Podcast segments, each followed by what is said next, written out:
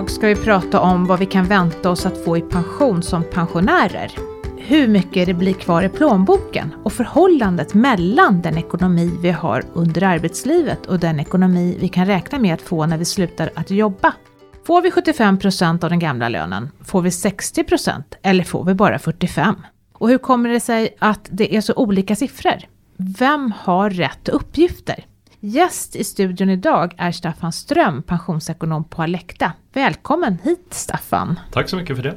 Kul att ha dig här igen. Ja, kul att vara tillbaka. Nytt, hett ja. ämne. Ja, precis så är det. Och här i studion sitter ju också jag då, Maria Eklund och Kristina Kamp. Hej Kristina! Hej, hej, hej! Men du Staffan, du har nyligen varit med och tagit fram en rapport om pensionärernas ekonomi. Här målar ni en ganska ljus bild. Pensionärerna kan räkna med 75 procent av den gamla inkomsten och mer faktiskt. Men undersökningen har också fått kritik, bland annat ifrån pensionsorganisationerna. Varför är de så kritiska? Ja, jag tror, för det första ska jag säga att vi blev ju själva förvånade när vi fick se de här siffrorna, att det är så pass höga eh, nivåer. Och den kritik som har kommit den handlar ju till stor del om att man menar att vi blandar bort korten, eh, har man kallat det, genom att titta på fler av inkomstkällor och inte bara pensionen. Och det är ju jätteviktigt för att förstå den här studien att det här är ingen betygssättning av pensionssystemet eller ens en, en kartläggning av pensionerna utan det är pensionärernas samlade inkomster. Det är det som är själva grejen med den här studien, att vi lyfter blicken och tar ett bredare perspektiv. Hur gjorde ni undersökningarna? Vi bestämde oss för att just försöka ta det här lite större greppet. Så att vad vi gjorde var att vi kontaktade Statistiska centralbyrån, SCB. Och sen begärde vi att få ut alla de deklarerade inkomster som samtliga tre miljoner svenskar som är mellan 55 och 85 år gamla har gjort. Så det här är ett jätteunderlag där varenda svensk är med. Så det här är alltså inte som vissa tror bara tjänstemän eller bara anställda eller bara stockholmare eller någonting sånt där. Utan det här är verkligen hela befolkningen. Vad var det som initierade den här undersökningen? Jag tänker, vad var ni nyfikna på? Ja, det var två saker som ledde fram till det här. Mm. Det ena var att det skrivs väldigt mycket om fattigpensionärer och det är, det är bra. Det behöver lyftas fram att det finns äldre som har en eh, riktigt tuff ekonomi och låga inkomster. Och det har jag varit väldigt noggrann med att göra i alla de intervjuer jag har gjort om den här studien. Jag är uppe i nästan 40 intervjuer. och då börjar jag alltid med att säga det, att det är klart att det finns äldre som har låga pensioner. Det får vi aldrig glömma. Men vad vi ville göra är att se, är det verkligen den typiska pensionären? Det handlar ju som sagt om tre miljoner människor och bland de tre miljonerna så finns det ju de som har riktigt låga inkomster. Det finns de som har väldigt, väldigt höga inkomster och de har också stora förmögenheter om man skulle ta med det i bilden. Och så befinner sig de allra flesta någonstans i mitten av skalan däremellan. Och det var det vi ville lyfta fram den här gången. Hur, hur ser den typiska pensionären mm. ut? Det, det, var den ena bakgrunden. Den andra bakgrunden den var ju att när vi har tittat på det här i, tidigare i lite mindre format så ser vi att det blir allt ovanligare det här att gå från att jobba heltid och ha 100% lön till att plötsligt en dag gå över och leva 100% på pension. Utan många har en mix av inkomster både före och efter pensioneringen. Och det var det vi blev intresserade av att titta på. Hur ser det totalt sett ut i pensionärernas plånböcker när vi då inte bara tittar på pension utan även tar med de som fortsätter jobba lite grann, de som har bostadstillägg till exempel eller andra inkomster. Hur ser helhetsbilden ut då? Det var det vi var nyfikna på att ta reda på. Mm. Och så börjar ni vid 62 år. Är det för att ni själva då inom ITP har 162 år och en månad? Eller Nej, det har faktiskt inte med det att göra alls. Utan vi, eh, studien bygger på data från 55 till 85 år. Och det är för att vi vill se hur övergången från arbetslivet till pensionärslivet ser ut. Och eh, 62 menade vi då är, det är några, några år innan den tidpunkt då de flesta väljer att gå i pension. Så att, eh, hur ser inkomstövergången ut när man går från att livnära sig huvudsakligen på arbete till att livnära sig huvudsakligen på pension men med flera andra inkomster också inblandade. Det var det vi ville titta på.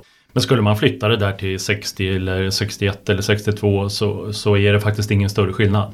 Mm, intressant. Men ni tycker ändå att det är relevant att ta med andra inkomster då än liksom bara pension på ena sidan och lön på andra? Alltså ni har ju med a-kassa, sjukersättning, bostadstillägg också. Varför då? Mm. Jo, och det är just det som är, lite grejen med den här studien att väldigt många tittar ju på lön och pension så där finns det ganska mycket data. Men om vi tittar på hur det ser ut före pensioneringstillfället så blev åtminstone jag förvånad när jag eh, fick fram siffror via Pensionsmyndigheten på att bara halva befolkningen går faktiskt i pension från att livnära sig helt och hållet på, på, genom att vara anställd eller ha egen firma de sista fem åren innan pensionering. Var fjärde person har faktiskt inkomst bara från sociala ersättningar eller ingen inkomst alls. Och sen resten då, knappt var fjärde, de lever på en mix av både lön och bidrag och ersättningar av olika slag. Och det här visar, menar jag, att man måste ha det här bredare perspektivet att det är väldigt många som inte jobbar fullt ut fram till pensioneringen. Utan pensionerar sig från sjukersättning till exempel eller a-kassa eller deltidsarbete eller vad det nu är. Och då är det den, den övergången som jag tycker är intressant att belysa. För det, det har inte gjorts tidigare vad jag vet i alla fall. Mm. Har man alltså fallande inkomster i princip då före pensioneringen? Vissa har ju det mm. och andra går naturligtvis i andra eh, ja. riktningen. Och har, har, Men på totalen menar jag? På totalen så är det ju ganska, vi, vi, har inte studerat det på individnivå. Mm. Eh, det går inte att göra med, med det data vi har här. Men det är ganska vanligt att löneutvecklingen för många planar ut de sista åren. Och eh, rätt ofta så halkar man till och med lite efter den generella inkomstutvecklingen. Mm. Det kan vara så att man får ett lönepåslag men inte lika mycket som inkomsterna i övrigt ökar. Mm. Så ser vi till hela bilden så är det ganska vanligt att, att inkomsterna går ner lite grann mot, mot slutet av arbetslivet. Det, det, är helt rätt. Och man kanske slutar jobba man blir mer sjukskriven och man får mer sjukpension. Så att liksom att det också ökar fallet om jag säger så. Så kan det vara, absolut. Ja. Och sen är det ju vissa som eh, frivilligt väljer att gå ner och jobba ja. halvtid till exempel och kanske tar ut eh, en del eh, allmän pension eller mm. tjänstepension och, och mixar inkomster. Det, det, är ju, det är just det mönstret som vi ser blir tydligare och tydligare. Man pratar också ganska ofta om det här med korta uttag av tjänstepension. Det speglar väl också den här undersökningen. Hur, hur, liksom, hur har ni sett utfallet av det? Ja, det fångar vi ju då genom att vi tittar på verkliga inkomster. Mm. Så att eh, vi vet ju att det har ökat på senare år. Inte minst då att många väljer att ta ut sin tjänstepension på så kort tid som fem år. Och det där kan jag väl ibland vara, vara lite orolig för att, att många lockas av att få ett högt belopp de första åren. Och sen eh, missar man, och i vissa fall vet vi att människor inte förstår att sen är pengarna verkligen slut efter fem år. Så att men ser det... ni det i studierna menar jag? Ser ni att, det liksom att, det, att, det, att kurvan planar ut då efter 70 eller? eller ja, eller... man har lite högre inkomster ja. de första fem åren. Och det är därför den här siffran då, 75 procent som mm. vi väljer att lyfta fram, det är ju efter 70 år. Ah. Så det ville vi just ha för att inte liksom, eh, ja, dopa de här siffrorna, mm. de korta, korta uttagen. Utan från 71-72 ungefär så ligger medianen på 75 procent och sen ser det ut så eh, fram, så långt vi mäter fram till, till 85-årsdagen. Ja. Och medianen sa du att det var ett svårt ord som du ville förklara. Ja, vad är medianen? ja, precis. Det kan ju vara viktigt att säga vad det är. Det är ju alltså den mest typiska pensionären. Så att Hälften av alla har högre inkomster och hälften av alla har lägre inkomster. Så det är liksom den pensionär som står mitt i pensionärsklungan. Mm. Den mest typiska pensionären. Så mm. skulle jag vilja beskriva det. Och, det är ju ganska viktigt så man inte får med de här väldigt, väldigt, väldigt höga inkomsterna som alltså skulle smetas ut. Och så, om man skulle titta på medelvärdet så skulle det bli konstigt. För medelvärdet blir oftast högre än medianen. Precis, mm. så är det absolut. För då ja. räcker det med att vi har med en Stefan Persson miljardär ja. så, så blir alla eh, siffror mm. helt eh, missvisande. Utan mm. det är därför man tar liksom den, den typiska pensionären. Och det kan väl också säga då, vi har ju inte tagit med privat pension eller kapitalinkomster Nej. i det här. Då hade siffrorna blivit ännu högre. Men, men det är av just det skäl du nämner att de är så ojämnt fördelade. Mm. Så att eh, för att inte det ska färga de här siffrorna så har vi skalat bort det i den här studien. Så det är bara allmän pension och tjänstepension som är med? Ja, när vi tittar efter eh, pensionering så och är det då fyra komponenter. Och. Vi tittar på allmän pension, ja. ja. den allmänna pensionen, vi ja. tittar på tjänstepension. Sen tittar vi på eventuella arbetsinkomster. Det såg vi i en studie som vi presenterade här före jul precis, att det finns 350 000 människor i Sverige som kombinerar arbete och pension. Och det var just en av de insikter som ledde fram till den här studien, att vi vill, vi vill mäta det. Alltså hur, om man jobbar, det är ganska få de som jobbar heltid, men om man jobbar ett par dagar i veckan till exempel och kombinerar lön och pension, det är ju ganska det är väldigt förmånligt att jobba mm. efter 66. Mm. Så det betyder ju mycket för ekonomin och då ville vi se då, vad betyder det i plånboken. Och sen har vi också tagit med garantipension naturligtvis för de som har det, men också bostadstillägget. Mm. Och det tycker jag är det hedligaste att göra därför att det är ju en, ett, eh, ett stöd som man har satsat på på senare år och höjt och förstärkt för att ge de som har låg pension en, en bättre inkomst. Så det behöver vi också vara med om vi nu vill ha det här bredare perspektivet och titta på vad är det som landar i plånboken. Mm. Så därför är det med också. Nu vill jag vädra mina fördomar. Är det så här då att de där som jobbar lite mer efter 65 det är männen och de som får mest garantipension och bostadstillägg är kvinnorna? I stort sett ja. Mm. Eh, och, och, det här blir alltid lite knepigt när man går in på att prata procent eller kronor.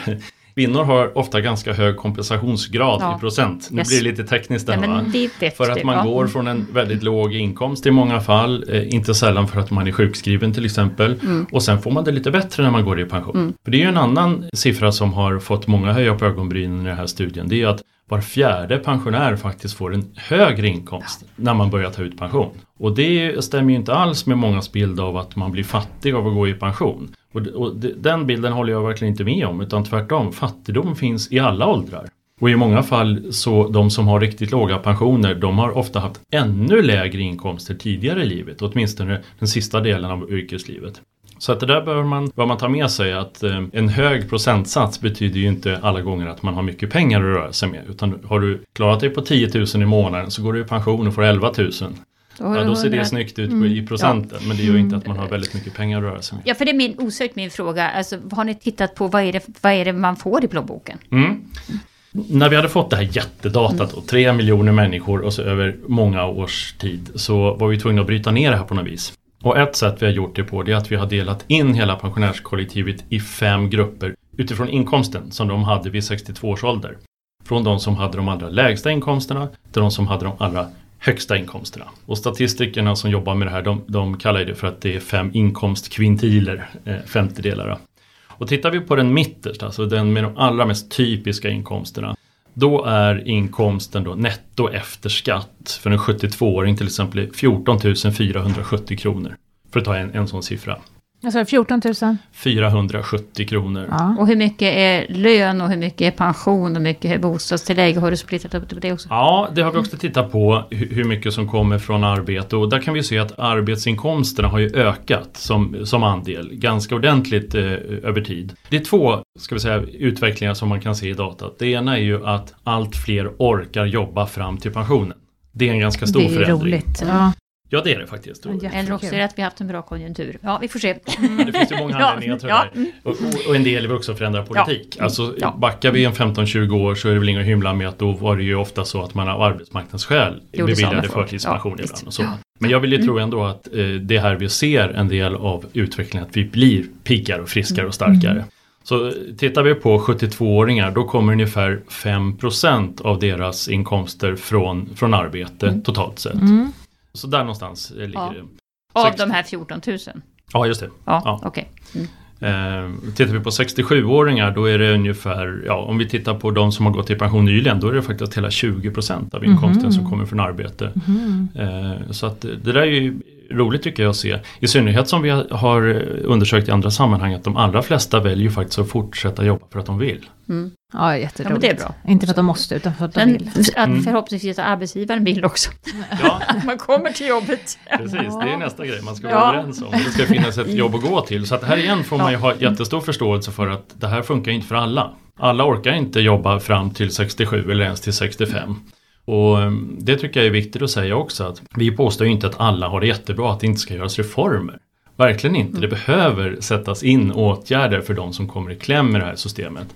Men det vi hoppas att den här studien kan bidra till det är ju liksom att ge en lite nyanserad bild. Att det inte är säkert att alla de här tre miljoner människorna behöver skattebetalarnas pengar eller löneutrymmespengar eller vad det nu är man skissar på för lösning. Utan det gäller att se vad är problemen och vilka mm. problem vill vi lösa?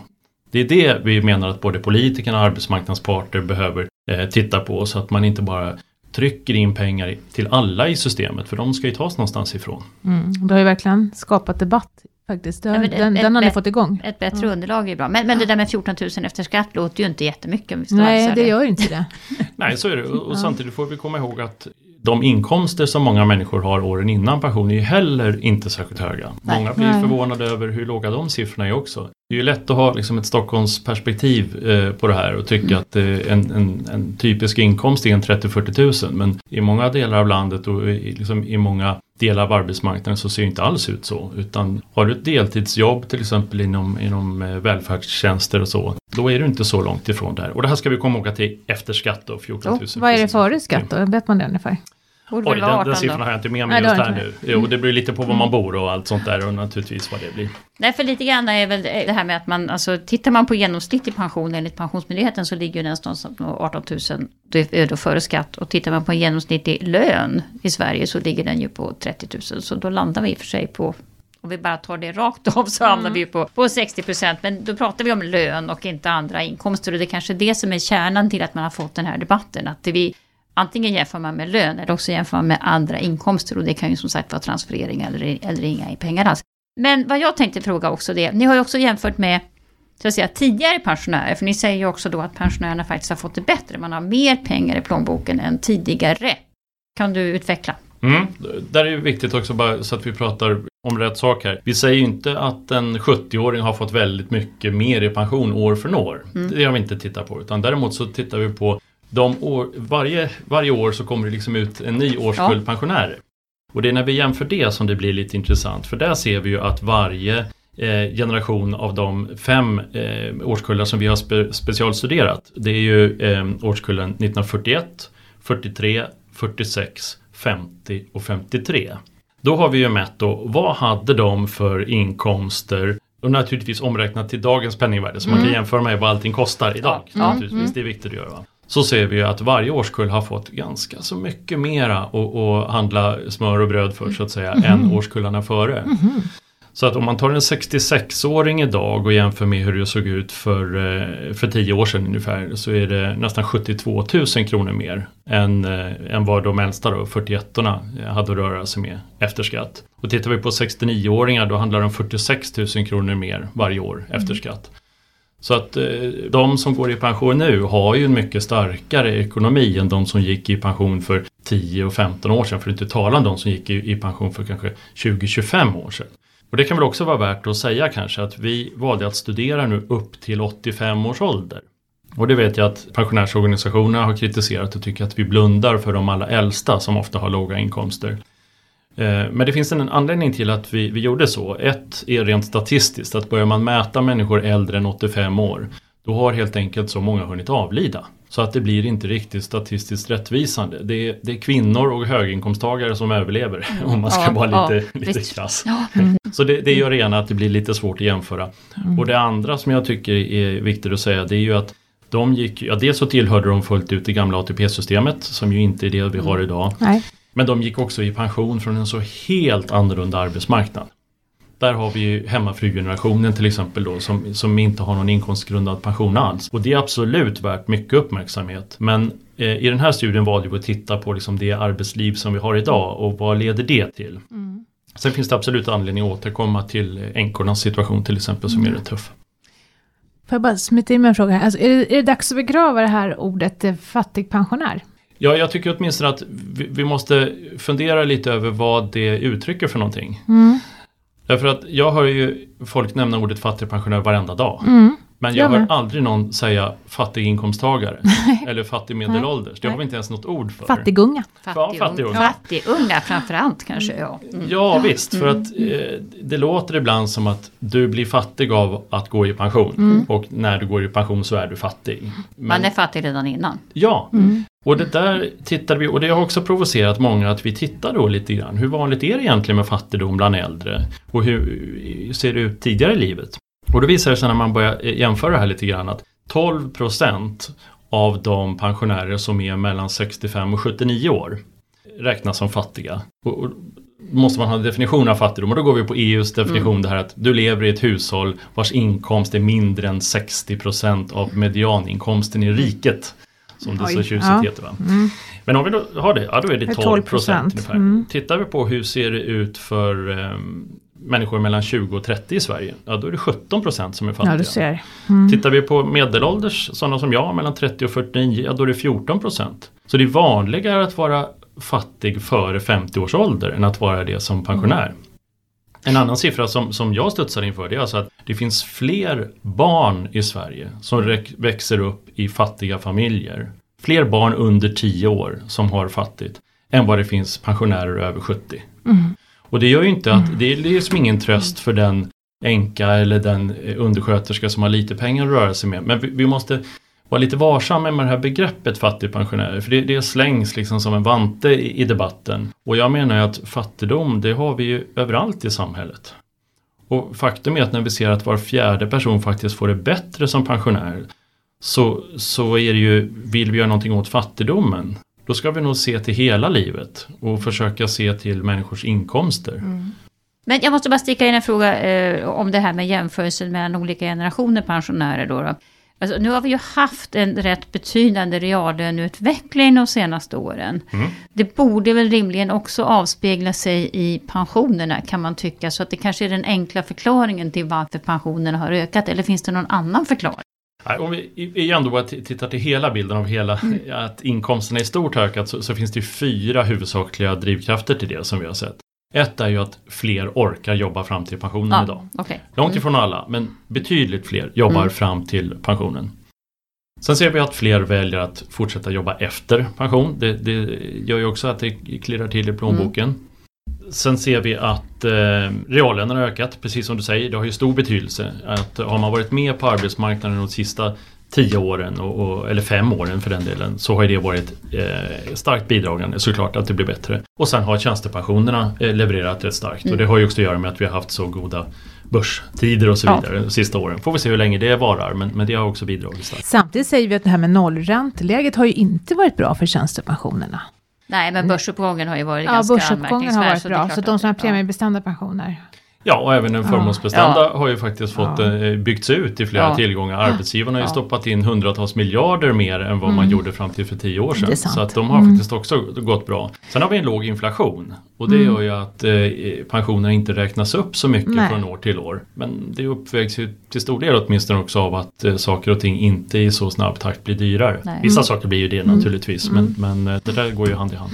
Men du, det där är ju spännande också, för att nu tänker man att egentligen en delförklaring till det här är att vi har ändå haft det ganska bra de senaste åren. Mm. Men om vi nu tittar in i framtiden som man inte vet någonting om, men vi har pratat om jobbonärer som ett sätt att, så att säga, förstärka kassan och eh, bra utdelning på de här eh, fondförsäkringar och traditionella försäkringar och sånt. Men, men om vi nu liksom vänder på kuttingen då, att vi liksom går in i ett, ett sämre tider. Jobbonärerna, hur pass trygga är de på arbetsmarknaden?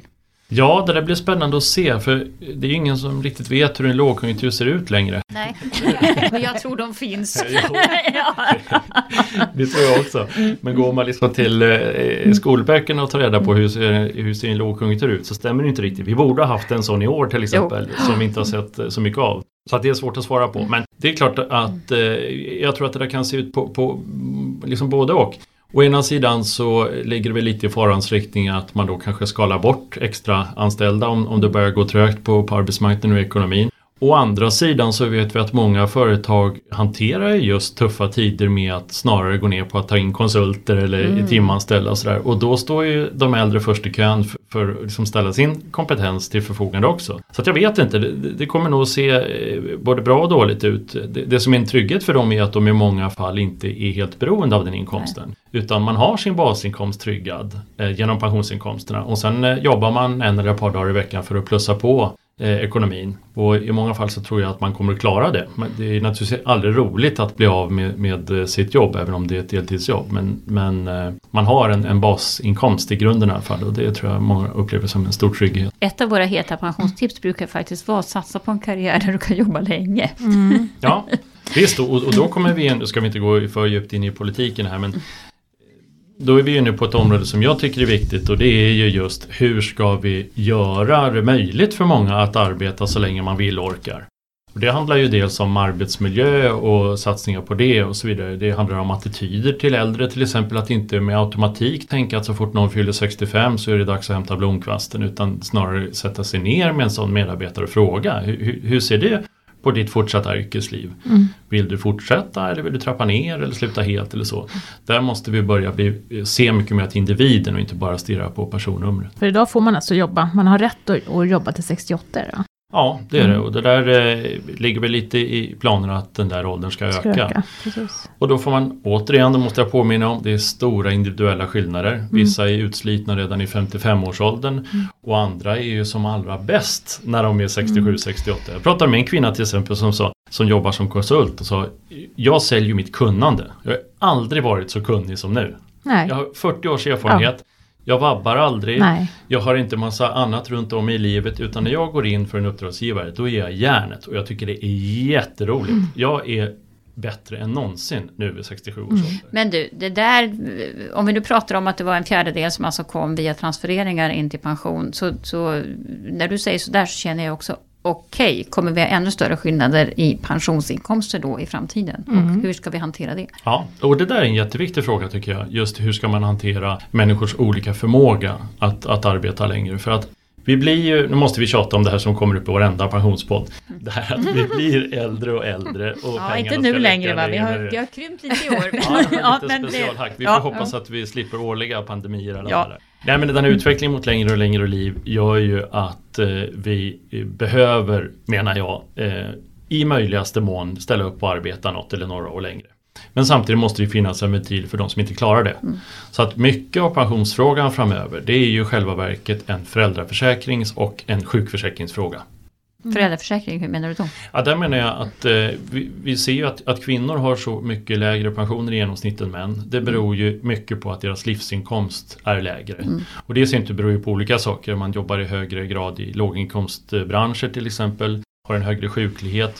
Men vi ser ju att det är framförallt när barnen kommer som, som karriären saktar av för kvinnor medan männen drar ifrån. Och där är, igen, jag ska inte gå in för mycket på politiken, men vi ser ju att föräldraförsäkringens utformning är jätteviktig för livsinkomsten.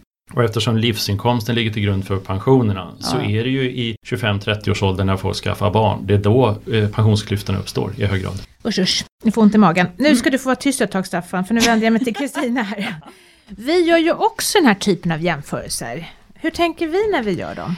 Ja, alltså jag tycker att det här begreppet kompensationsgrad, ibland är det som bofinken, den kan se ut hur som helst. Och det beror ju på vad, vad alltså jag tror man måste ha en, en egen bild, varje individ måste lite grann fundera på vad är det för pension jag vill ha. Och när vi tittar på, när vi tittar på kompensationsgrader och kommer med våra rapporter, då tittar vi på framtidens pensionärer, alltså de som inte har gått i pension då. Och som gör prognoser på min pension. Och så ser vi vad kan de räkna med att få. Men det är klart, då är vi ganska tydliga med att vi jämför lön. För att där tror vi då att, att i, i, i mitt mindset när jag tänker vad ska jag få för pension så tänker jag vad får jag för pension i förhållande till min lön idag. Och då landar vi på 60 60 procent. Men jag förstår eh, Staffans sätt att beräkna också för att det har ju blivit tydligare och tydligare just det här att ja men vänta nu, vi har egentligen Egentligen kanske man har som mest, borde vara som mest orolig för sin ekonomi, alltså mellan 55 och 65. Du har ganska lite skydd, det kan hända ganska mycket, du kanske inte orkar och allt det där. Och det, vi kanske borde studera mer än vad vi har gjort också, det här med, med hur, hur ser verkligen inkomsten ut då? Och, och när är det man faller ifrån och i så fall varför? Eh, men när vi tittar på kompensationsgradsrapporten så tittar vi då på lön och pension och då landar vi på 60 procent. Så att vi liksom har Så klarat lite ut där. detta. Mm. Ja. Mm. Men jag har en fråga Staffan som jag egentligen tycker är kanske det mest intressanta i din rapport där. Det är ju när man tittar på de unga. För att de unga ska ju så småningom bli pensionärer och de ska också betala in avgifterna till de som är pensionärer nu och som ju dessutom blir äldre och äldre och äldre verkar det ju som. Och fler och fler. Och Ja. fler och fler. Ja, jag såg någon rapport nu att år 2070, med nu några år dit, så kommer vi att ha 10% av Sveriges befolkning kommer vara över 80 år eller sådär. Det var sådana här rätt jobbiga siffror. Idag är det 2,5%. Men alltså när jag tittar på de ungas ekonomi också, vad kom ni fram till där? Ja, i just i den här studien så har vi inte mätt inkomsterna för någon under 55 år. Nej. Så att vi har inte med de, de allra eh, unga. Däremot så är jag ju eh, tonårspappa. Jag Ja. har eh, två döttrar som är, är 16 och 19 och som är så småningom på väg att ge sig ut i livet. Och det är klart att jag kan oroa mig lite för dem, eh, inte minst när det gäller bostadskostnader. Så hur 17 ska de ha råd att skaffa sig en bostad som ju är grunden för att i sin tur sen kunna få ett jobb och få en inkomst och så vidare. Så att eh, ja, bland unga precis som bland äldre så är spridningen stor vad man har för förutsättningar och var man bor och om man eh, ger sig ut i arbetslivet direkt efter gymnasiet eller pluggar vidare eller så. Men det finns ju anledning kanske att tänka efter innan man skuldsätter de unga ännu mer. För det, det måste vi ändå påminna om att den allmänna pensionen består ju till stor del av ett system där unga betalar för dagens pensionärer. Ja. Och sen hoppas vi i en framtid när dagens unga är gamla att det finns en ny generation som ställer upp på och, och har förmåga att betala in pensioner. Så att vill vi nu i efterskott liksom eh, pumpa upp pensionerna för dagens pensionärer. Då finns det ju inte pengar i en kassakista någonstans utan då eh, belånar vi helt enkelt våra barn. Ja, det är de som får betala om vi ska höja pensionerna för de som är äldre. Ja, Så, så är så det. barnbarnen det betalar vi- mormors pensioner liksom? Ja, precis ja. Det kanske är värt i vissa fall men därför måste man ha, menar jag, den här helhetsbilden så att man tänker efter. Om vi ska ta antingen av våra gemensamma skattepengar då, ska, det, ska vi skära ner på skola eller polis eller vård eller omsorg eller ska vi börja höja fastighetsskatter eller hur ska vi göra? Eller ska vi låna pengar av våra barn och hoppas att de ska stå för kalaset lite längre fram? Det kanske är rätt att göra. Det, jag säger inte att man inte ska göra någonting alls men man behöver fundera över vad följderna blir. För det är inte säkert att de som är unga idag kommer att få en så mycket behagligare resa än vad vi eller våra föräldrar har fått. Nej, du sa ju förut faktiskt att de unga, Det var större andel ja de fattiga. var, större, de var fattigare än de äldre. Det blir liksom en jättedålig ekvation här. Ja, man ska sagt, åtminstone fundera över hur stor del av inkomsten är vi beredda att avstå mitt Ja. i livet för att eh, kunna leva eh, bättre lite senare. Jag menar, vi har ju en utveckling också där många idag vill eh, plugga och resa och så kanske inte börja jobba förrän vi är 25 eller ibland efter det. Och sen vill man gärna vara pensionär i 25 år. Då är det 50 års arbetsfria inkomster vi ska skrapa ihop under de få år vi jobbar. Det är ganska tufft. Slutsatsen blir nästan att man kan fundera på vad är en rimlig pension? Ja, och det tycker jag är en jättebra fråga som borde ställas mycket oftare till pensionspolitikerna. Vi pratar så mycket kompensationsgrader och procent och hit och dit. Vi kanske skulle börja med att ställa just den frågan. Vad- vill vi att pension ska vara för någonting? Och vad är en rimlig pension? Mm. Har vi haft för höga förväntningar också kanske? Eller ja, Kanske, och det har ju att göra återigen med, med medellivslängden. Att det var ju en sak att lova hyfsade pensioner när man beräknades vara pensionär i 5-6 år eller kanske i 10 år. Men nu är vi uppe i nu på nästan 20 år. Då är det dyrbart, det, det är så. Och ehm, man kan ju också undra rent mänskligt om jag får filosofera lite grann. Är det vettigt att vi jobbar som galningar och går sönder på vägen för att sen vara lediga i 25 år? Det kanske är bättre att jämna ut det där lite grann. Att ha det lite lugnare men kunna jobba något eller några år längre. Jag tror att det mänskligt sett skulle vara bättre. Mm. jag tror vi får bjuda hit några arbetsgivare. För jag tycker frågan som man alltid landar i mer och mer. Det är liksom hur ska det här arbetslivet se ut framöver? När vi kanske kommer att behöva jobba i alla fall fram till 70 plus. Och det har man väl alldeles lysande tillfälle att göra nu efter det här konstiga året. När varenda arbetsplats sitter och funderar på hur vill vi jobba framöver? Ja. Ska vi sitta och pendla varje dag? Ska vi jobba hemma? Ska vi lägga om vårt arbetssätt? Det, finns det är ett lysande tillfälle att fundera lite mer långsiktigt på hur Har ett bra arbetsgivare du kan skicka in här? Du som sitter på båda stolarna liksom. Ja, något tips kanske. Ja, vad bra. Då tar vi det efter Ja, podden. ja. Ja, det är härligt.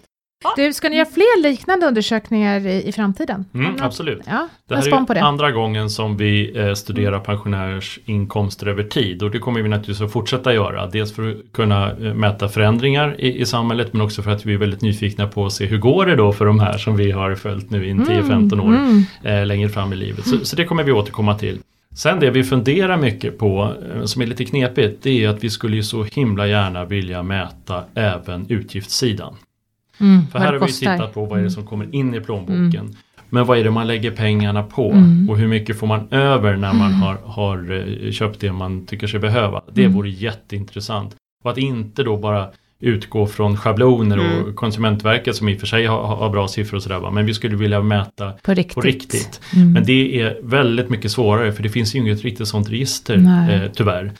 Så att vi, vi klurar lite på om det går att göra för att då skulle man kunna bredda bilden Mm. ännu mer och, och, och se hur, hur, hur är utrymmet i, i privatekonomin. Spännande. Mm. Vi ser fram emot den undersökningen. Ja, och så får du komma något, tillbaka. Men eh, ja. vi jobbar på det. Och så sitter vi och tittar på hur 80-talisterna sköter sig under tiden. Om Ja, de kommer att ge några pengar till, dem, till, till oss när vi blir pensionärer. Precis, precis. Ja. Ja, men tack så mycket för att du kom hit idag Staffan och, och redde ut de här frågetecknen som vi har haft kring er rapport. Tack så mycket.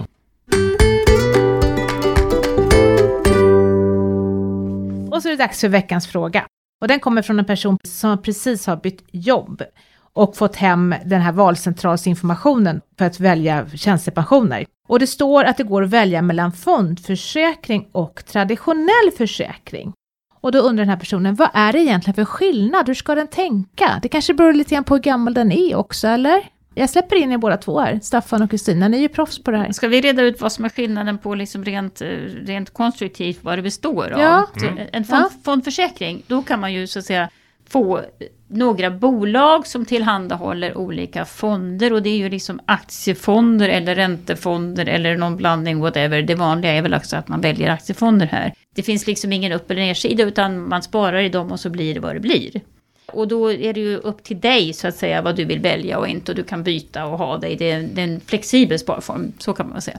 Traditionell försäkring är väl inte fullt så flexibel då utan då har man egentligen gett mandatet till någon annan att placera mina pengar. Och, och sen har man väl ibland olika garantier. Vill du fylla på här? Ja, men jag håller helt med. Fonden är ju väldigt bra för den som själv vill påverka hur pengarna ska placeras. Man kanske är road av kapitalplacering eller man har starka åsikter om hur pengarna ska placeras eller inte ska placeras. Jag kanske absolut inte vill att mina pengar ska eh, landa i Kina. Eller så tror jag tvärtom att det är där det kommer att hända saker så jag vill vara där. Då är det jättebra att man har möjlighet att styra placeringarna i en fondförsäkring.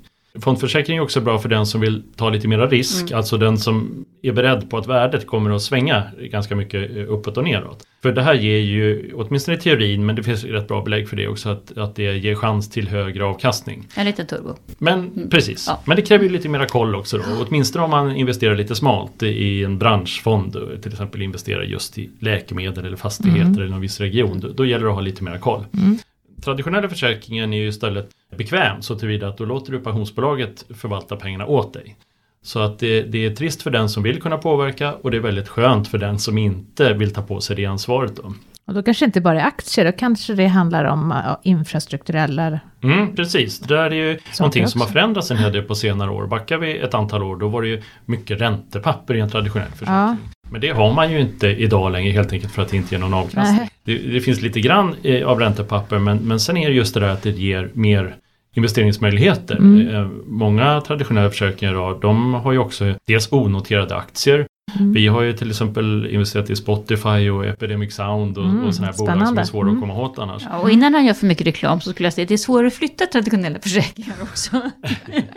jag får höra mer, det är lite spännande. Ja. Nej, och sen så finns det andra tillgångar då till exempel eh, skog eller infrastruktur, fastigheter, ja, vägar, företagskrediter där man ja. lånar ut pengar till till företag som vill växa och investera ja. i sin verksamhet. Så att det, det är ju tillgång också till, eh, men till vissa typer av investeringar som man inte kan komma åt via fonden. Nej. Det här med garantier pratas det om i traditionella försäkringar, åtminstone gjorde det tidigare. Då kunde man få tillbaka det investerade kapitalet. Hur mm. ser det ut med det där idag egentligen? Och vad innebär det att få tillbaka det investerade kapitalet? Ja, det där är ju faktiskt den enda formella skillnaden mellan mm. en traditionell försäkring och en fond. Det är just att det alltid måste finnas någon typ av garanti. Och den där garantinivån den, den, kan ju sättas på lite olika nivåer. En, en, en, vanlig nivå är ju att man får tillbaka pengarna.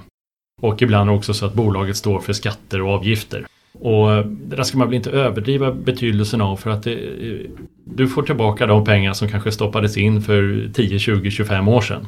Men det finns också i de flesta fall en kapitalgaranti också. Att man till exempel i samband med pensionstillfället garanterar en viss andel av det totala kapitalet. Så att du inte ska drabbas allt för hårt om man får en, ett, ett rejält börsras mm. precis i samband med pensioneringen till exempel. Så att eh, det finns liksom skyddsnät i en traditionell försäkring som du inte har tillgång till i, inom fondförsäkring. Å andra sidan så har du ju då mera frihet att, att placera. Och när vi tittar på min pensionssparare så är det också så att man har ju oftast, eller i genomsnitt har man nästan åtta försäkringar. Det är allmän pension och det är, man har haft några olika jobb inom livet. Och vi ser ju också att det, det, det blandas ganska friskt. Det mm. kanske inte är så tokigt att göra det heller, att man har lite traditionell försäkring och så kan man ha någon fondförsäkring och så kan man liksom ha både och där. Men ja. vad, vad ger vi för råd då till den här människan? Man kanske inte får ge råd i det här Nej, man får fallet, inte ge råd. Utan nu har hon fått båda, eller han, ja. fått båda Argument. sidorna. Ja, mm. så får man tänka Så får man tänka själv. Och kanske, ja, jag skulle möjligt skicka med ett råd att titta också naturligtvis på, gå in på min pension och se vad du har haft hittills. Det är bra. Och det var då allt från oss idag. Tack för att du har lyssnat. I avsnittet har du hört Alektas pensionsekonom Staffan Ström, Min Pensions pensionsekonom Kristina Kamp och så var jag också med då, Maria Eklund. Och vi jobbar ju på Min Pension som en oberoende tjänst i samarbete mellan staten och pensionsbolagen, där du ser alla dina pensioner.